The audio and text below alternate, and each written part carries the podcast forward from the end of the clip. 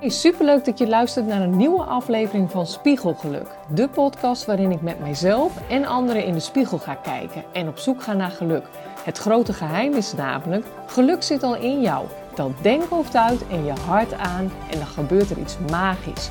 Hoe werkt je succesmindset? Hoe leer je visualiseren en manifesteren zodat je hoofd en je hart eindelijk samen mogen creëren? Mijn naam is Carina Hoeven en ik hoop dat je samen met mij iedere dag jezelf steeds meer in de spiegel gaat zien en dat je echt gaat zijn wie je eigenlijk al bent. Hey, daar ben ik weer. Ehm, ik heb, omdat ik met kastgeluk bezig ben, ben ik ontzettend veel aan het induiken. Waarom kan die kast helemaal mooi gesteld zijn, maar is het nog steeds niet ehm, eh, de kast die, jij, eh, die helemaal bij jou past, die de allerbeste versie van jezelf past? En daarvoor ben ik natuurlijk al ruim een jaar een soort zelfontwikkelingsreis aan het doen. Veel meer over mezelf te weten te komen dan ik al wist. En dit keer had ik echt iets super geniaals geleerd over het uitstelgedrag. Want die heb ik ook. Die heeft iedereen. Dat is heel menselijk. En um, ja, soms stoor ik me daar heel erg aan zijn echt bepaalde dingen dat ik denk, jee, dat blijf ik uitstellen. En dat zit natuurlijk ook in je kast. Die kast opruimen kan uitstelgedrag zijn, maar er zitten ook heel veel emoties in die kast. En dat uh, komt heel dichtbij je en dan gaat je brein voor uh, comfort en lekker terugvallen in je oude patroon. Dus die denkt, dat, die strijd ga ik gewoon niet aan. En daar zit ook dus heel veel uitstelgedrag in. Maar daar ga ik allemaal in uh, kastgeluk allemaal heel veel verder uh, aan mensen leren die dat straks leuk vinden. Dus nu heb ik uh, vorige week me behoorlijk even verdiept in ja, uitstelgedrag. Wat is nou uitstelgedrag? Nou, uitstel, dan, dan, dan denk je bij jezelf, ja, ik ben er gewoon nog niet klaar voor. Het is niet het moment, het is niet de juiste tijd, ik doe het morgen wel, ik stel het gewoon even uit. Eigenlijk is dat gewoon een heel mooi verhaal om aan jezelf te verkopen. Want natuurlijk zit er wel wat onder. Maar als je echt uitstelgedrag aan wil pakken, dan moet dus de noodzaak heel erg hoog zijn. En je moet het gewoon echt willen. Ik heb van mezelf echt bepaalde dingen waarvan ik denk, daar ben ik zo klaar mee. Dat uitstelgedrag, daar baal ik zelf zo van. Dat ik op een gegeven moment op het punt kom dat ik denk, en nu wil ik dat veranderen. Nou, daar ben ik dus echt gewoon veel meer over gaan leren. En ik kwam ik zulke interessante dingen tegen. Dus die, uh, ik neem je even mee in iets wat ik zelf eigenlijk gewoon heel interessant vind. Nou, bij uitstelgedrag, dan durf je eigenlijk gewoon soms bepaalde stappen niet te nemen. En um, ja, uitstelgedrag, waarom doen we dat nou eigenlijk? Waarom wil je dat uitstelgedrag niet overwinnen? Want het brengt je zoveel meer. Uh, ja, je brein heeft eigenlijk gewoon, dan kom ik weer terug op dat brein, want dat is ontzettend rode draad. Je brein doet het eigenlijk. Dus, en uh, zonder dat je het in de gaten hebt, heeft die gewoon bepaalde functies. En die functies van het brein zijn simpelweg de dingen dat jouw brein vooral pijn wil vermijden en plezier wil verkrijgen. Nou, verder wil je natuurlijk overleven en voortplanten. Dus dat zijn ook dingen wat je brein heel erg wil. Maar de hoofd, hoofdzaak ligt gewoon op pijn vermijden en plezier verkrijgen. Nou, en dat hadden we vroeger natuurlijk. Joh, toen wij uh, op deze aarde kwamen, moesten we het gevecht aangaan. Moesten we overleven. Moesten we zorgen dat we bij een groep hoorden. Waardoor we allemaal te eten hadden. Dat we met elkaar gingen jagen. En dat het allemaal klopte. En als er dan een tijger voor je stond, dan moest je rennen. Dus dan zorgde jouw brein ervoor dat hij jou genoeg adrenaline gaf. Dus die dacht, rennen. Nou, tegenwoordig is dat gewoon gelukkig allemaal niet meer zo. Het enige wat wij gewoon heel erg nog tegenkomen, dat zijn emotionele pijnen. En die willen we ondanks alles gewoon vermijden. Dus dan uh, is uitstel is gewoon een proces. Je denkt aan een taak en je denkt, nou, dat is, uh, er zit soms onzekerheid bij, zoals die kast helemaal uh, gaan bekijken. Er zit onzekerheid bij, er kan pijn in zitten, er kan emotie bij zitten, er kan stress in zitten, maar dat is dus bij elke taak. Ik merk voor mezelf bijvoorbeeld um, twee jaar geleden, mijn man is echt, uh, ja, die kan gewoon goed, uh, die heeft een wielrenfiets en die vindt dat heerlijk. Nou, ik zei, nou, ik zou heel graag met je mee willen als we op vakantie zijn in Italië, de bergen in. Dus ik ook een wielrenfiets, een tax in huis. Nou, hij zit daar echt heel veel op, hij heeft er heel veel plezier van.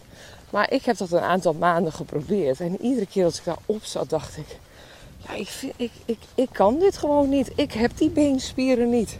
ik vind dit niet leuk. Mijn ademhaling is veel te hoog. Ik ben echt al na vijf minuten zit ik in zo'n hoge ademhaling. Dat ik denk, ik kan dit gewoon niet. Nou, en dan gaat mijn brein, denkt gewoon, Carina, terug. Dit is veel te veel stress, emotie. Ik zorg dat jij weer in de comfortzone terug gaat. Dus wat doe ik dan? Ik denk, dit is niks voor mij. Ik kan dit niet. Nou, en dan zit ik weer in een veilige modus. En dat vindt mijn brein gewoon heerlijk. Die helpt mij daar gewoon bij. En ik baal er zelf ook wel van. Maar op een gegeven moment ga ik in die comfortstand. Dan denk ik, stap ik eraf. Dan denk ik, ja, waarom doe ik dit allemaal? Het gewoon niet voor me weggelegd.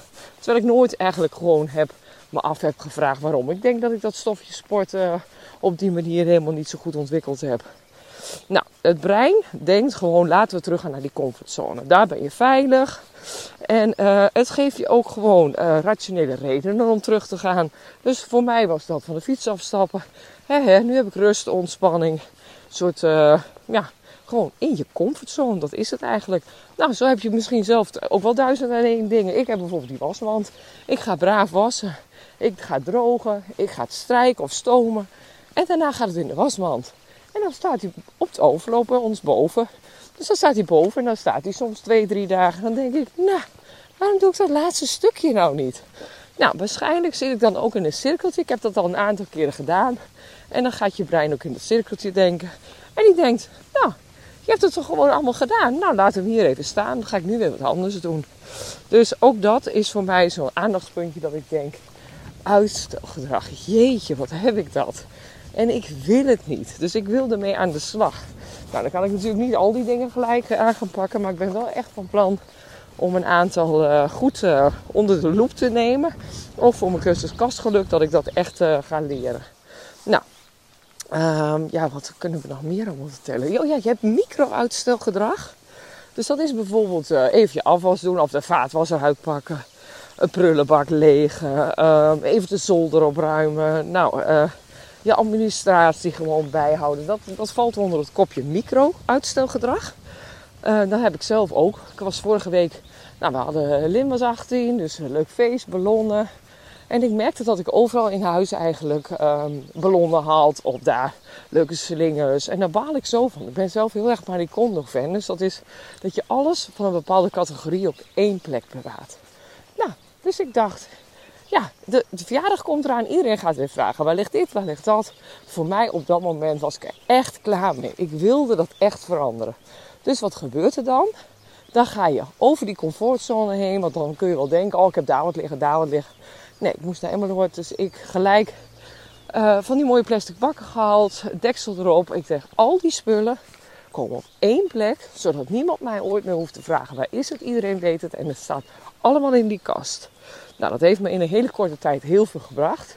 En dat uitstelgedrag komt dan eigenlijk uit een soort noodzaak. Want je weet gewoon, er komt een verjaardag aan, dus krijgen we die vraag. En als je er echt zoveel van baalt, kun je dat eigenlijk in een heel, hele korte termijn kun je dat oplossen.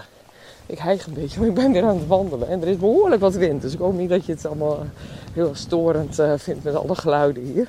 Nou, en dan heb je macro-uitstelgedrag. Nou, dat zijn gewoon echt de grotere thema's van het leven. Dus dat gaat er heel erg om van... Um, ja, ga ik wel of niet een relatie met iemand aan? Of uh, ga ik met mijn eigen ontwikkeling bezig? Zoals ik nu echt het afgelopen jaar heb gedaan. Dat wou ik echt. Ik wilde echt veranderen. En toen ik eenmaal die noodzaak voelde van ik wil dat veranderen, ik wil dat ontdekken. Ook voor, omdat ik mijn cursus ging ontwikkelen. Maar ook voor mezelf. Ik vond het zo fijn om al die dingen eens te bestuderen. En omdat ik had gehoord dat mijn brein eigenlijk, dat je dat kunt trainen.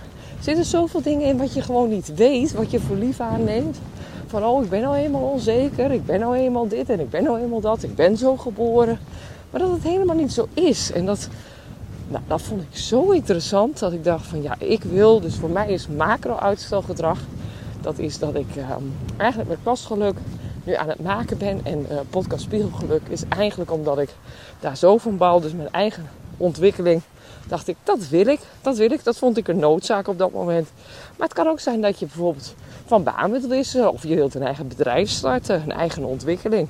Nou, de eerste vraag die je bij uitstelgedrag um, ja, eigenlijk moet je het gaan overwinnen. Dus je moet Een verandering moet er ontstaan en die verandering ontstaat vaak bij twee dingen.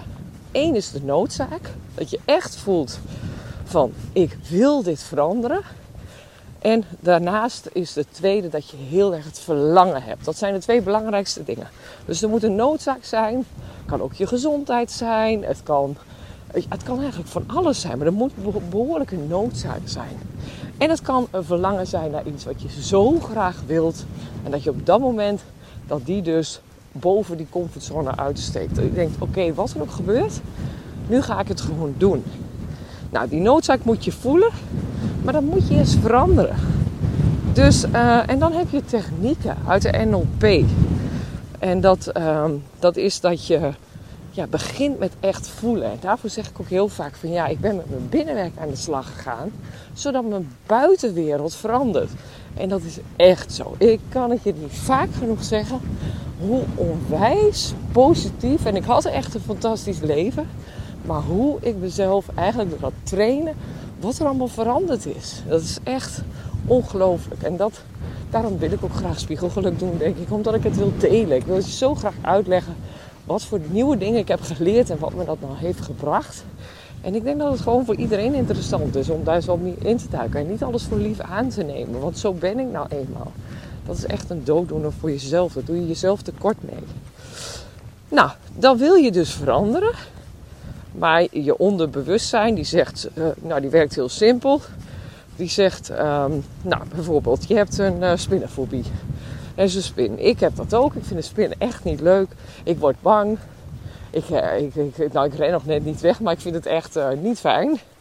En um, mijn gedrag is dan echt gewoon ongunstig voor mij. Maar ja, ik blijf het wel doen. En als ik dat thuis heb, dan merk ik gewoon dat ik Wilfred roep. En Wilfred komt, een soort held is dat dan voor mij. En die uh, prins op het witte paard. En die pakt die spin en gooit hem eruit. Dus ik merk gewoon um, dat het wel opgelost wordt. Dus is voor mij die noodzaak dat ik dat spinnenfobietje, dat ik dat aanga, is helemaal niet hoog. Want ik heb altijd mijn redder in nood. En dat vind ik eigenlijk ook heerlijk. Dan komt, komt Wilfred dan aan en die gaat die spin weg doen. Die, die durft dat. En dan vind ik ook nog wel stoer. Dan denk ik, nou, die pakt dat gewoon met zijn hand op.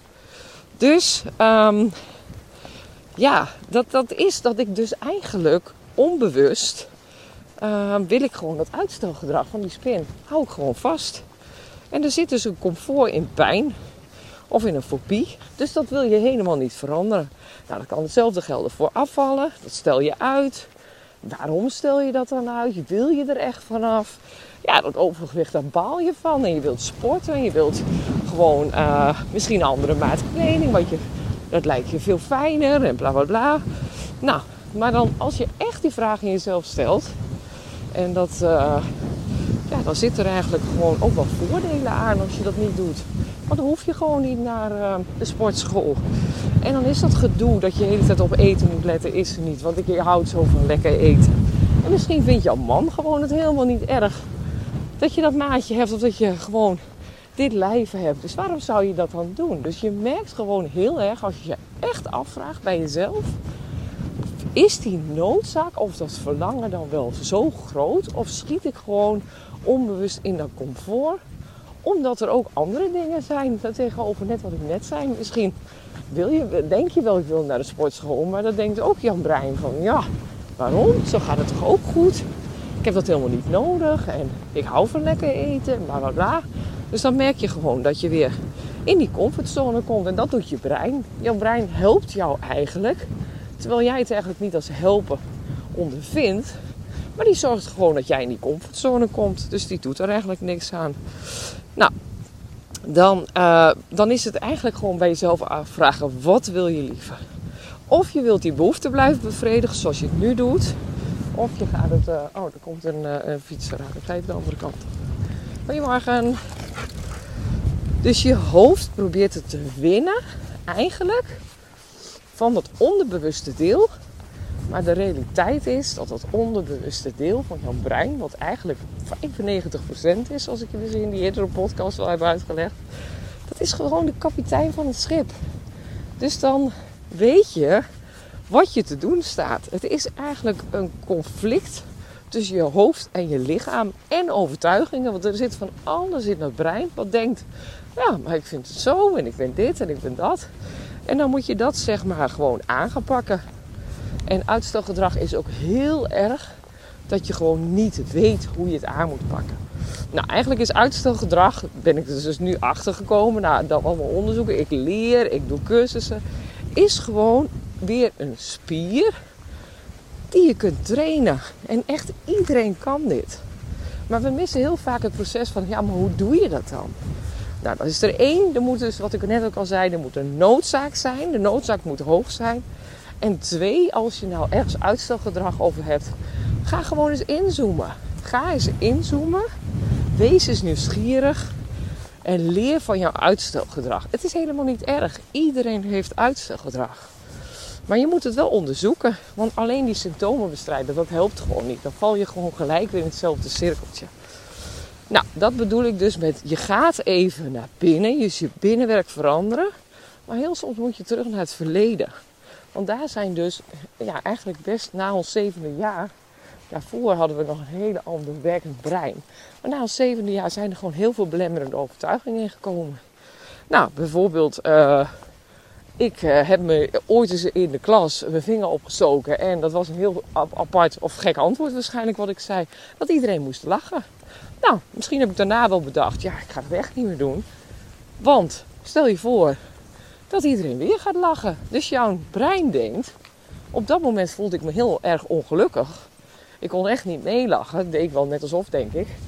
Maar aan de andere kant dacht mijn brein van, nou, dit, dit, heb je zo gedaan. Ik ga je helpen. Volgende keer doe ik het dus. Doen we dit niet weer. Blijf lekker in je comfortzone. Dan is alles veilig. Nou, bij micro-uitstelgedrag kun je bijvoorbeeld uh, micro-uitstelgedrag, dat is dus weer hè, die lullige kleine dingetjes, prullenbak legen, vaatwasser uitpakken, telefoon opladen. Nou, waarschijnlijk doe je dat wel, want de telefoon is een heel ding. Maar het zijn gewoon van die lullige klusjes. Even de wasmachine aanzetten, even een mailtje sturen die je al veel te lang hebt laten liggen. Nou, bij dat is heel erg je stemming van belang. Want als je stemming een beetje moi is, dan wordt alles gewoon zwaarder. Dus dan wordt dat micro-uitstelgedrag eigenlijk gewoon groter. Nou, dan kun je gewoon veel meer grip op krijgen door je stemming te zorgen dat die verandert. Bijvoorbeeld, ik heb voor mezelf nu een playlist. En die playlist, daar zit um, een bepaalde playlist in. Die bijvoorbeeld, uh, nou, lekker up tempo zijn. Dus als ik dan die wasmand op de, op die naar boven doe en klaar moet staan, dan zet ik een muziekje aan. En met dat muziekje, nou, dan komt Karen aan. Goedemorgen. en met dat uh, muziekje, dan, uh, dan ga ik gewoon lekker al die kleding in de kast doen.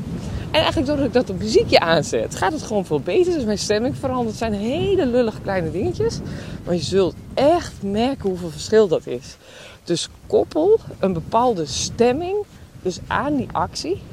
En doe dat bijvoorbeeld met muziek. Muziek is echt een hele goede daarvoor. En dan, uh, dat kun je ook doen met vaatwasser inruimen. Dus zet een uh, muziekje op en dan doe wat op je oren. Maar zorg gewoon dat je iets pakt waardoor je het gaat doen. Nou, en daarnaast, ja, het is echt zo'n eye-opener ook weer geweest. Want natuurlijk wist ik dat wel. Die telefoon. Onze brein is gewoon verslaafd aan dopamine. Nou, dat dopamine is gewoon een stofje dat leidt naar fijne emoties. Dus, je wil, dus wij zijn gewoon junkies. En onze telefoon is gewoon eigenlijk een dopamine monster. Een dopamine machine. En we zijn allemaal zo gewend geraakt aan die behoefte aan dopamine. Dus wij Instagrammen, wij doen social media. Maar eigenlijk doe je dat de hele dag door. Ik betrap me daar zelf ook gewoon op. Je pakt heel vaak je telefoon. En dan zie je een vijfje staan bij WhatsApp van oh ik heb een vijf niet geopend. En dan zie ik zoveel mails openstaan. En dan hoor ik een pingeltje en dan denk ik, ja, want dat is wat je brein doet. Die denkt, die denkt in cirkeltjes. Het is een soort loop. Dus je ziet vijf staan, maar die wil nul. Dus die denkt, wat is dat? Ik ga kijken, ik ga kijken. Nou, en um, dat je brein dus constant die dopamine hierdoor is gaan voelen. En dat heb je niet. Ja, er zijn echt hele simpele trucjes voor. Dus ik ga ze van de week ook echt even flink testen. Eerst is gewoon telefoon aan de kant. Dus ga je die vaatwasser, moet je die vaatwasser, moet je hele aandacht opruimen.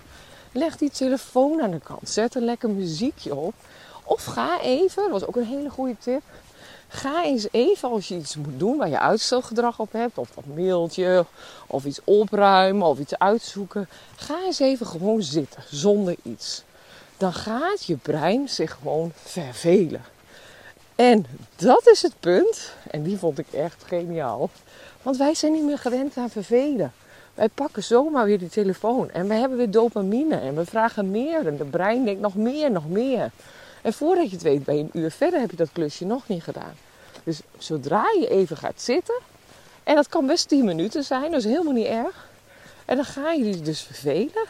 En als je je dus verveelt, dan denkt je brein opeens: Nou, ga wat doen, want het vervelen is niks. Maar dan ga je wel even die vaatwasser uitruimen of inruimen. Want dat is dan gewoon een klusje die veel leuker is dan het vervelen wat je net op de bank deed. Dus dat vond ik echt zo'n, ook weer zo'n geniaal, iets heel kleins, wat ik zelf eigenlijk nooit had beseft. Maar we hebben gewoon ons brein niet meer geleerd om te vervelen. En zodra die verveling dus zo hoog wordt, nou, dan is gewoon jouw mini doen. Of, de, of die vaatwasser doen. Dat is gewoon helemaal niet meer erg. Dus je koppelt je brein gewoon los van prikkels. Maar je brein denkt de hele tijd, ja, ik wil dopamine. Dat hebben we nou eenmaal met de, vooral met de komst van de telefoon heel erg aangeleerd. Nou, dan uh, is het heel erg handig om op te schrijven. Dus je onthoudt veel beter dingen. Je gebruikt uh, dan ook twee delen van, of eigenlijk de beide delen van je hersenen. Dus je gaat gewoon eens even opschrijven wat gewoon jouw micro-uitstelgedrag is. En um, ja, je moet het visualiseren. Dus uh, kun je bijvoorbeeld iemand veranderen, degene die, waar ik dit van leerde, die zei: Kan ik iemand veranderen die echt niet wil? Nou, dan moet daar dus een hele goede motivatie tegenover staan. Want diegene die schiet constant in die comfortzone. Die denkt, ja, zo kan het toch ook. Ik hoef toch niet te veranderen.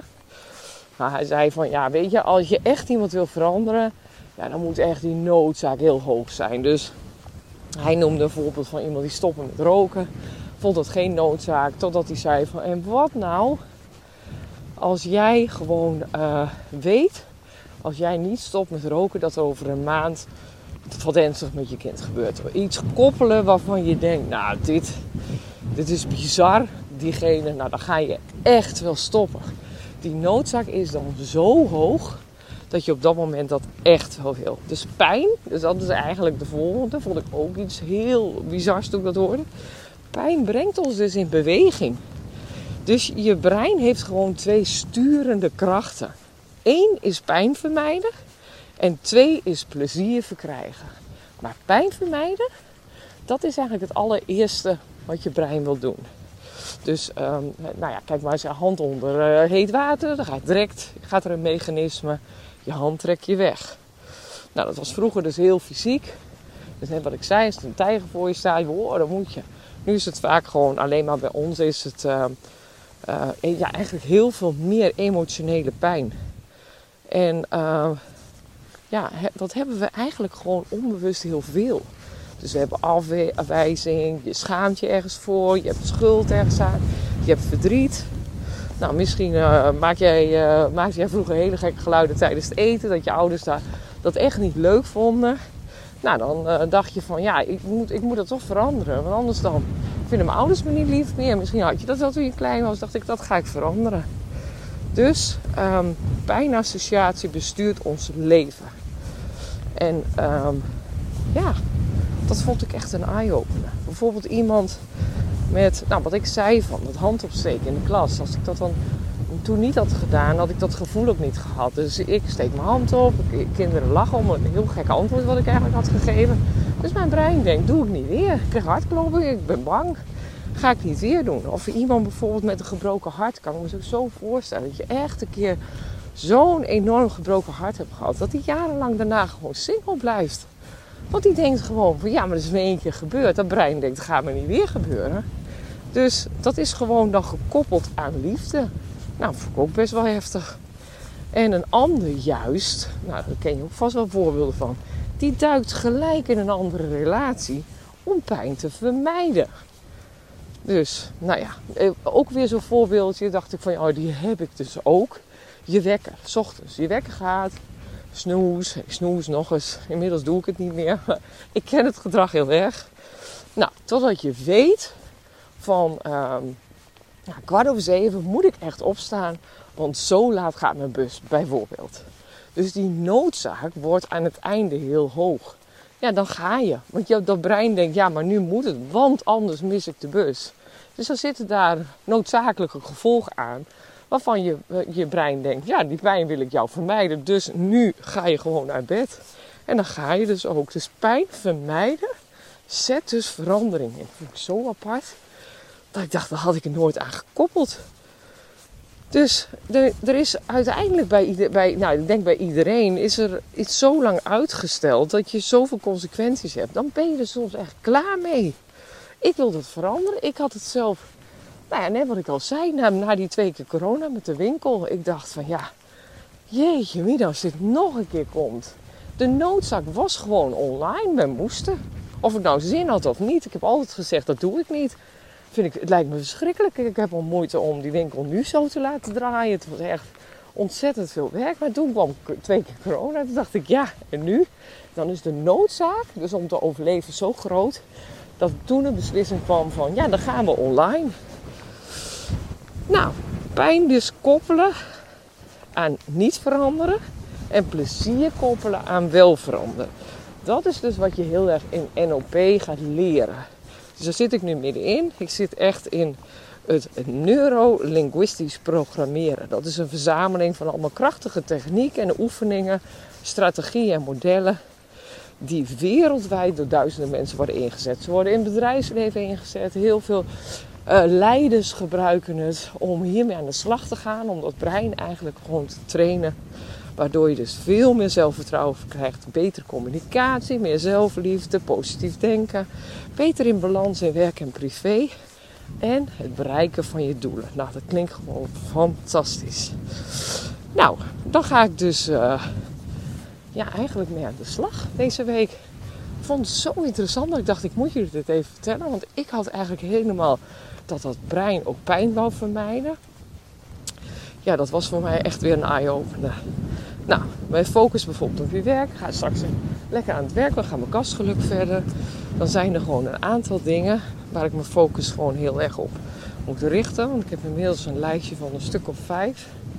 Goedemorgen. Hoi. Dus, en die, uh, ja, die zijn gewoon best wel belangrijk. Wat ik me eerst ook eigenlijk niet zo goed bewust was. Dus één, telefoon gaat ver weg. Dus als ik straks achter de computer zit, telefoon ver weg. Zodat ik die prikkels allemaal niet krijg. Zodat ik niet zie wie me appt, niet zie wie me mailt. Maar dat ik volledig op kastgeluk gefocust ben. Verder, mijn tabbladen in de computer. Die zorg ik dat ik die dus allemaal uitzet. Ik heb nog wel eens allemaal tabbladen aanstaan. Maar Jan Brein is gewoon de hele tijd scant hij wat hij ziet. En het is bij mij heel vaak voorgekomen dat ik dan ineens klik ik een ander tabblaadje aan, ga ik toch even met het andere verder. Nou, en verder het leven om je heen. Ik weet niet hoe dat bij jullie zit. Ik had ontdekt dat ik onder de veranda bij ons buiten, zei ik ook tegen Wilfred. Ik zeg, het is net of ik daar geen ruis heb. Ik zit in de natuur, ik heb een kacheltje aan. Ik ga gewoon zo lekker aan het werk. Nou, inmiddels weet ik ook dat ik binnen toch te veel afgeleid ben. Want ik zit gewoon heerlijk aan de keukentafel te werken. Ik zie dat aanrecht. Ik zie dat mensen wat hebben laten staan. Ik ga toch even die vaatwasser inpakken. Nou, en zo zie ik om mij heen of wat er buiten gebeurt. Achter me zijn ze met de straat bezig. Wat hoor ik allemaal? Dus ben ik afgeleid. Dus leven om je heen is gewoon heel belangrijk. Dat je dat gewoon... Ja, nou spreek dat ook gewoon af. Dat is mijn vierde punt. Ik spreek nu gewoon af. En dat doet Wilfred ook. Want die ergerde zich ook aan. Iedereen kwam met de pas of de onpas. Hij werkt boven, kwam binnen. Oh, pop, wil je dit even doen? Of dan vroeg ik ook wat aan en zeg, oh, uh, nou, heb je daar wel aan gedacht? Of moeten we daar nog even aan denken samen? Nou, dat is gewoon heel onhandig. Dus wij spreken nu gewoon heel simpelweg even af. Jongens, ik ben nu zo lang aan het werk. Daarna doe ik even een kop koffie. Dan ben ik er even weer. En, wat ook een hele goede tip was, dat was de laatste van die vijf. Ga eens gewoon dus uit je kantoor. Stel je voor, je bent thuiswerker. Ga uit je kantoor. Ga heel ergens anders zitten. Ik heb wel eens gehad dat ik moest wachten. Dat ik bij Van der Valk zat. En dat ik daar ook ineens ontdekte van met de koptelefoon op. Goh, wat werk ik hier eigenlijk heerlijk. Dat is namelijk omdat je je brein uit een hele andere situatie haalt. Als je dat een twee of drie dagen doet, nou voor mij is dat nu gewoon buiten werken. Als het lukt, nou vandaag lukt het echt niet, dan zit ik buiten te werken. Maar ga ik dan weer binnenwerken, dan zul je zien dat je brein eigenlijk een soort kleine reset heeft. Dus die gaat daar anders mee om dan dat je altijd op dezelfde plek zit. Nou, dat is toch fantastisch. Vond ik ook echt van die dingen dat ik moet ik jullie even vertellen. Nou, en als laatste, nou dan kun je, dan hou ik op, want ik ben er nog lang niet, ik ben echt nog in dat leerproces, maar ik dacht neem je wel in dat eerste stukje mee. Dus um, ik had het over een loop in je hoofd. Ik heb wel eens dat je een liedje hoort en dat liedje, dat refrein blijft de hele dag bij me. Dat, dat raak ik niet meer kwijt. Dan denk ik, oh wat een fantastisch liedje. Want ik onthoud dat refrein. Ik had het laatst nog met S10 van uh, Songfestival. dacht ik, dat liedje zit dus de hele tijd in mijn hoofd. Blijkt nu, dat ik ook zo heel bijzonder, je hoofd wil dat afmaken. Dus stel je voor, ik zou dat liedje eens één keer helemaal afluisteren. Dan gaat je hoofd niet meer in die loop denken. Want je hebt hem gewoon helemaal afgeluisterd. Maar zodra ik een stukje hoor en het stopt, dan wil dat brein wil dat cirkeltje maken. Dus die gaat eigenlijk een soort repeat stand doen. Vandaar dat je dat liedje gewoon de hele dag in je hoofd hebt. Of misschien wel een aantal dagen. Nou, ook zoiets dat ik dacht, nou, ik heb echt zoveel van die aha-momenten. En iedere keer denk ik dan, dus vandaar ook vanmorgen tijdens de behandeling, dacht ja, ik ga toch echt jullie dat eerste stukje van het uitstelgedrag, omdat ik daar deze week echt flink mee aan de slag ga. Ben heel benieuwd of jullie ook, ja, waarschijnlijk heb je het ook, want iedereen heeft het. Het is niet erg, hè? Het is heel menselijk. Maar ik dacht, zulke goede tips heb ik nu alweer geleerd. Ik denk, geef het jullie door. Ik laat je zeker in een vervolg, misschien een andere podcast, nog wel horen hoe het me af is gegaan. En wat ik er nog meer over heb gehoord. Dus wie weet. Tot gauw. Hey lief allemaal, bedankt voor het luisteren. Vond je dit interessant? Dan is het te gek om een screenshot te maken, te delen in je stories of je feed. Of tag mijn Instagram Carina Hoeven. Hiermee inspireer je anderen en ik vind het zo ontzettend leuk om te zien wie je luistert. Oh ja, nog één ding. Voor alle gratis contents die ik aanbied, zou je alsjeblieft één dingetje terug willen doen. Abonneer je nu op deze podcast en schrijf een review, want hoe meer abonnees en reviews, hoe hoger spiegelgeluk komt in de ranking. En hoe meer mensen wij samen kunnen bereiken om met elkaar te groeien.